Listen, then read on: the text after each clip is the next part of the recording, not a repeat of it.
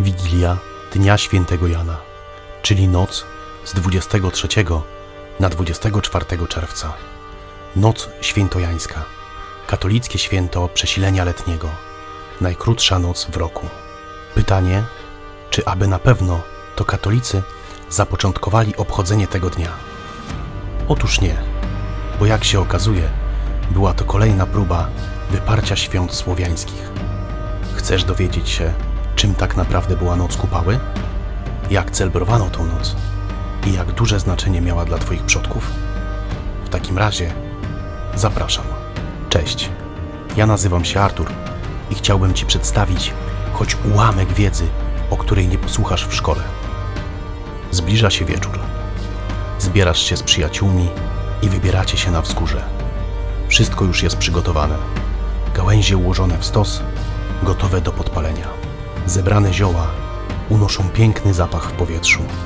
Ktoś rozpala ogień, wszyscy zbliżają się. Zaczynamy noc kupały. Ale zacznijmy od początku. Samo święto było dla naszych przodków niezwykle ważnym dniem. Celebrowano wtedy dwa najważniejsze żywioły: ogień i wodę, słońce i księżyc. Przy czym słońce reprezentowało żywioł ognia, natomiast księżyc reprezentował żywioł wody.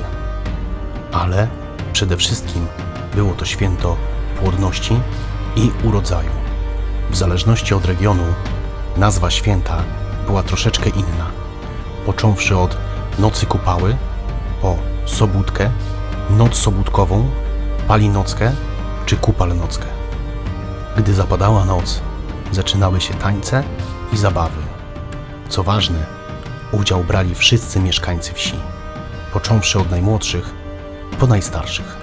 Jednak szczególnie ważne to było święto dla ludzi młodych, którzy nie mieli jeszcze szczęścia odnaleźć drugiej połówki. Jednym z najistotniejszych rytuałów były skoki przez ognisko. Te niekiedy niebezpieczne zabawy miały na celu przegnanie złych duchów z tancerzy.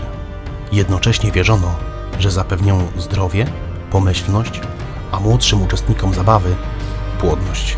Sam dym z ognisk miał zapewnić dobrą pogodę na okres żniw. Poza tańcami i zabawą, Palinocka była okazją do zakochania się. Podobnie jak na innych terenach w tym czasie, tak samo u nas wiele małżeństw było aranżowanych. Jednak w tym czasie osoby, które nie były nikomu obiecane, mogły spokojnie i bez konsekwencji zawrzeć związek z ich woli, z miłości, nie dla korzyści. Ale, aby mogło się to stać, należało wziąć udział w zabawie zwanej wianki. Dziewczęta plotły wianki, wykorzystując do tego wszystkie dostępne materiały. Najczęściej były to wiązki kwiatów i magiczne zioła, które wskazywały im najstarsze kobiety ze wsi. W taki wianek należało wpiąć świecę lub łuczywo i puszczało się go na rzekę bądź strumień.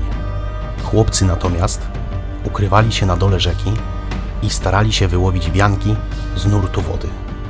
Młoda para jeszcze przed rozpoczęciem musiała ustalić szczegóły, ponieważ pary łączyły się na podstawie wyłowionego wianka.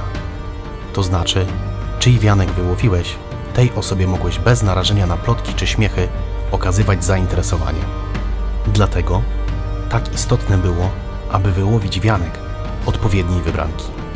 Ważne było, aby świeca nie zgasła przed złapaniem wianka przez młodzieńca, gdyż oznaczało to dla takiej kobiety staropanieństwo.